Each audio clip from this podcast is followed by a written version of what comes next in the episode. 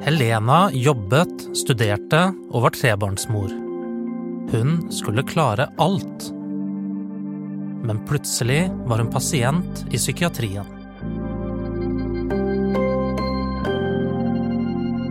Jeg heter Rune Christoffersen.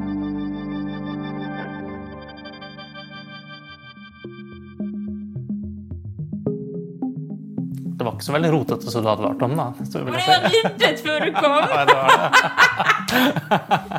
Jeg er jo ikke med fotograf engang.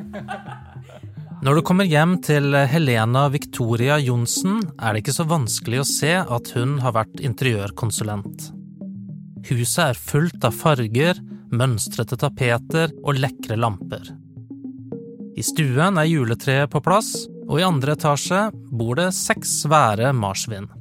Og her er moren, da. Ja, Sant? Vi koser av og til.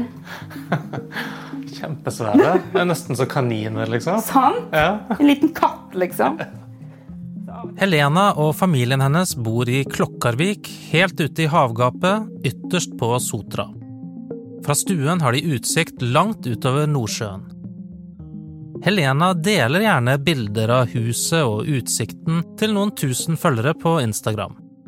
Det er lett å tenke at hun må være en veldig effektiv trebarnsmor som har kontroll på det meste i livet sitt. Men Helena har en annen side som hun også har lyst til å dele. For det er mange som har spurt meg om hva er grunnen til at du ble deprimert. Ja. Og jeg kan ikke si én grunn, for det er veldig, veldig mange ting. Jeg likte å gjøre alle til laks. Og jeg likte å være den beste. Og jeg ga meg liksom ikke før resultatet var på topp. Så på et tidspunkt så jobbet jeg 100% mens jeg studerte 100% Og hadde to barn i barnehage og ett skolebarn. Og eh, en far som lå for døden. Og ja, jeg bare durte på videre. Så drev jo litt sånn rovdrift på meg sjøl, da. På denne tiden hadde Helena begynt som radiojournalist i NRK. Hun pendlet 45 minutter hver vei til jobben i byen. Altså, jeg er jo en person som har alltid likt å hundre jern i ilden. Stått opp tidlig og lagt meg seint. Og hvis jeg hadde trengt mer tid, så hadde jeg stått opp enda tidligere og lagt meg enda seinere. Så jeg jobbet jo fullt i radioen. Sto opp midt på natten for å stå klar med nyhetene når klokken var seks-halv syv om morgenen. Og det syns jeg, jeg, synes det var så kjekt å være liksom på, og når det skjedde, og du måtte være rask og effektiv. Jeg hadde liksom kontroll på ting. Og på hjemmebane så har jo jeg eh, tvillinger som krever sitt. det er mye tut og kjør med de, og et barn til. Krevdes oppfølging fra skole og barnehage og foreldremøter og avslutninger og bursdager og gud hjelpe meg hva det ikke var. Det var rett og slett Jeg blir stressa bare jeg snakker om det.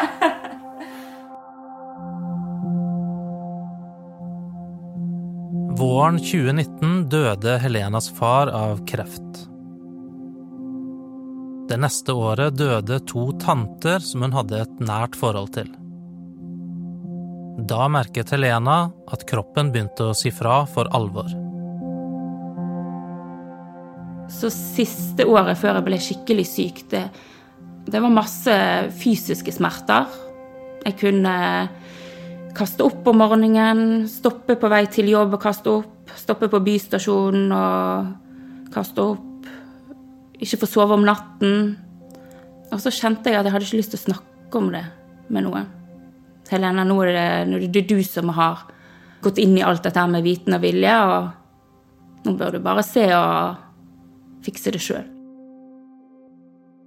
I desember i fjor skjønte hun at det ikke gikk lenger. Hun dro på jobb tidlig om morgenen og skulle lese opp nyhetene som vanlig. Hun satt i studio og tenkte at alt gikk fint, men plutselig så hun på klokken at det var 20 sekunder til sending. Hun hadde ikke forberedt seg og ante ikke hva hun skulle si.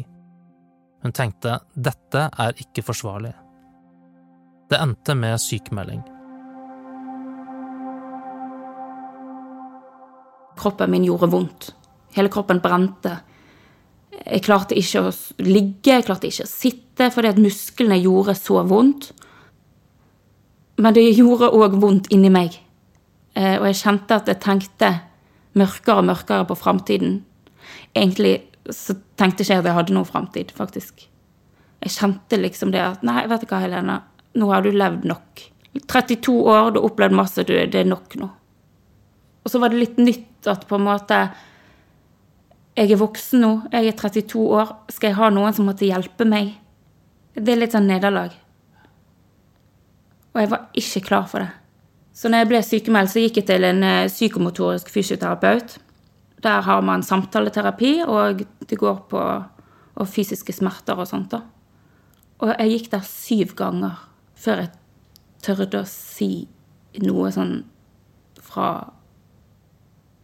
dypet av meg sjøl, da. Altså, det føltes litt som om liksom, hodet skulle sprenge, for det var så fullt av tunge, kompliserte tanker og situasjoner som Jeg klarte ikke å finne en løsning på det. Og alt dette ballet på seg. Det var altfor mye for meg. Og da er det òg altfor mye for alle andre, så da trodde ikke jeg helt på at jeg kom til å få den hjelpen som fins der ute. da. Helena forteller at det var en som skjønte hvor mye hun slet. Fysioterapeuten Jørgen. Like før påske tilbød han seg å holde kontakt med henne gjennom høytiden. Helena lo litt av det, men Jørgen begynte å ringe jevnlig. Hun fortalte at hun var redd for å gjøre noe virkelig dumt. Da ba Jørgen henne om å ta kontakt med legevakten. Så kom jeg inn på legevakten, da.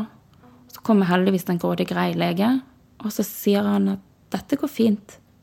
Vi skal ordne dette. Du skal få lov å bli lagt inn på psykisk akuttmottak hos Sandviken. Og det var en vanvittig lettelse, samtidig som jeg kjente at dette må ingen få vite. At jeg som var så ressurssterk og klarte alt og hadde kontroll på alt og mange jern i ilden, og plutselig klarte ikke meg sjøl i det hele tatt. Når jeg kom ut til taxisjåføren, så tørde jeg ikke å si at jeg skulle til Sandviken. Så jeg ga han bare den lappen som legen hadde skrevet til meg. Og så tenkte jeg herlighet, jeg er blitt så gal at jeg må på Sandviken, liksom. Jeg har jo spøkt om det når jeg var yngre, sant. Ha-ha-ha, nå er det Sandviken neste. Og jeg ante jo ikke hva som skulle møte meg. Jeg har jo bare kjørt forbi den bygningen og sett den som et litt sånn skrekkens eksempel, på en måte. Og nå skulle jeg dit, helt aleine. Jeg var egentlig veldig redd.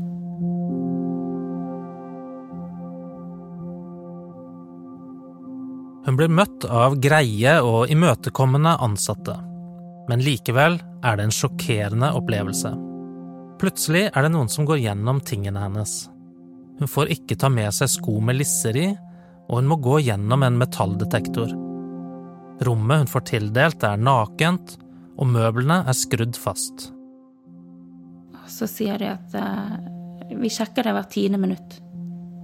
Og så tenker jeg inni meg åh, så deilig.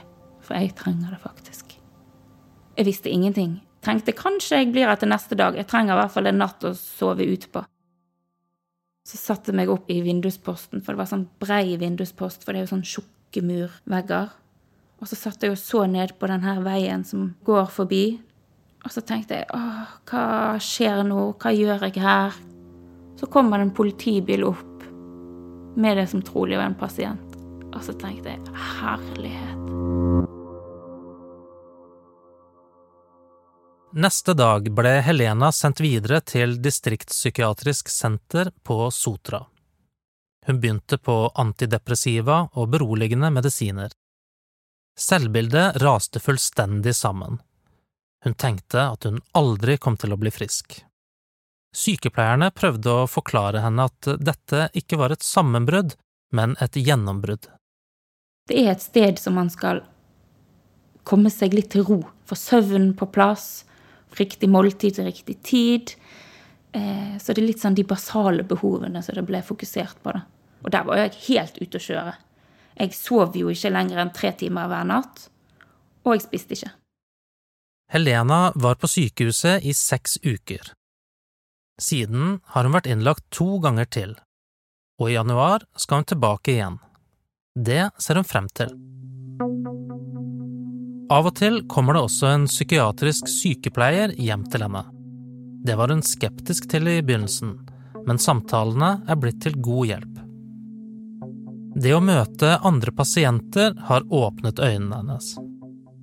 Bli kjent med folk som òg er syke, og som sliter, om det med angst eller spiseforstyrrelser eller depresjon eller hva det nå er. Og se det på nært hold. Altså, det er bare å bøye seg i støvet for sånne folk, for det er litt av en kamp de står i hver dag. Og jeg skammer meg for at jeg har tenkt negativt om det. Det er jo folk som kjemper de kampene Vi har ikke anelse hva de kjemper. Altså, ja, det er helt vanlige folk. Det er mødre og fedre og besteforeldre og studenter og Jeg skulle ønske for min del at det var flere historier der ute der eh, du hører om de vanlige folkene som òg har fått psykiske utfordringer, som sliter. Men de er den vanlige mannen eller damen som går på jobb og oppfører seg normalt, skulle til å si, og ikke er kriminelle og ikke eh, ruser seg, men de, de har tøffe ting i livet. Og så tenker jeg at uh, I hvert fall jeg har hatt sånn skremmende bilder av den der uh, psykiatrien. Sant? Jeg ser for meg leger i hvite frakker og tvangstrøye, og du hører jo om alle disse her som har blitt uh, Det har blitt brukt tvang mot. Og sånn at på en måte for meg også få se hvordan det kan være De legene jeg har møtt, de går i helt vanlige klær. Sykepleieren går i helt vanlige klær. Jeg er et menneske på lik linje som de. Det er ingenting ovenfra og ned-holdning. Selv om livet er bedre nå, er dagene langt fra rosenrøde. Noen kvelder gruer hun seg til neste dag fordi hun skal gjøre helt enkle ting som å ta en dusj. Akkurat nå tenker hun at hun trenger å bli lagt inn av og til for å klare hverdagen fremover. I sosiale medier er hun åpen om sykdommen. Jeg kjenner jo ennå på litt skam, men det må jeg jobbe med. Og jeg ønsker jo ikke at andre skal gjøre det. Hvorfor skal jeg gjøre det, da?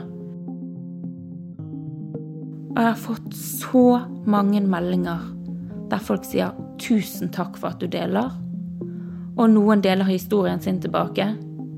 Og jeg tenker at psykisk helse kanskje snakkes nok om. Jeg har jo begynt å gjøre Instagram mer ekte. Ved å vise hvordan jeg egentlig har det på innsiden. Huset mitt er ikke alltid et interiørmagasin. Det er faktisk eh, Stort sett så ser det ut som et takras, og jeg ligger på sofaen i ullundertøy. Kanskje aller mest sånn. Men hvordan blir julen for deg i år, tror du?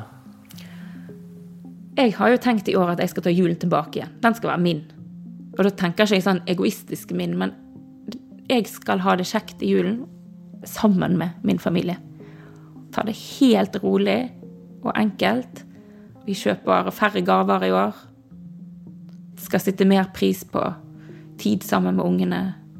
Spille med de, se en film sammen. Og det er jo det de vil òg. For når jeg spør dem hva ønsker dere vi skal gjøre i førjulstiden Jeg vil sitte i armkroken din og se på film.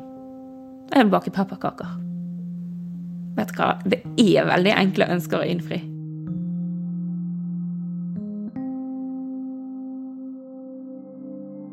Hvis du trenger noen å snakke med, så kan du ringe Mental Helses hjelpetelefon på 116 123 når som helst på døgnet.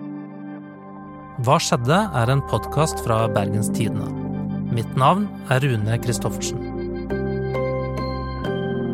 Denne episoden er også laget av Anna Offstad, Henrik Svanevik og Arve Stigen.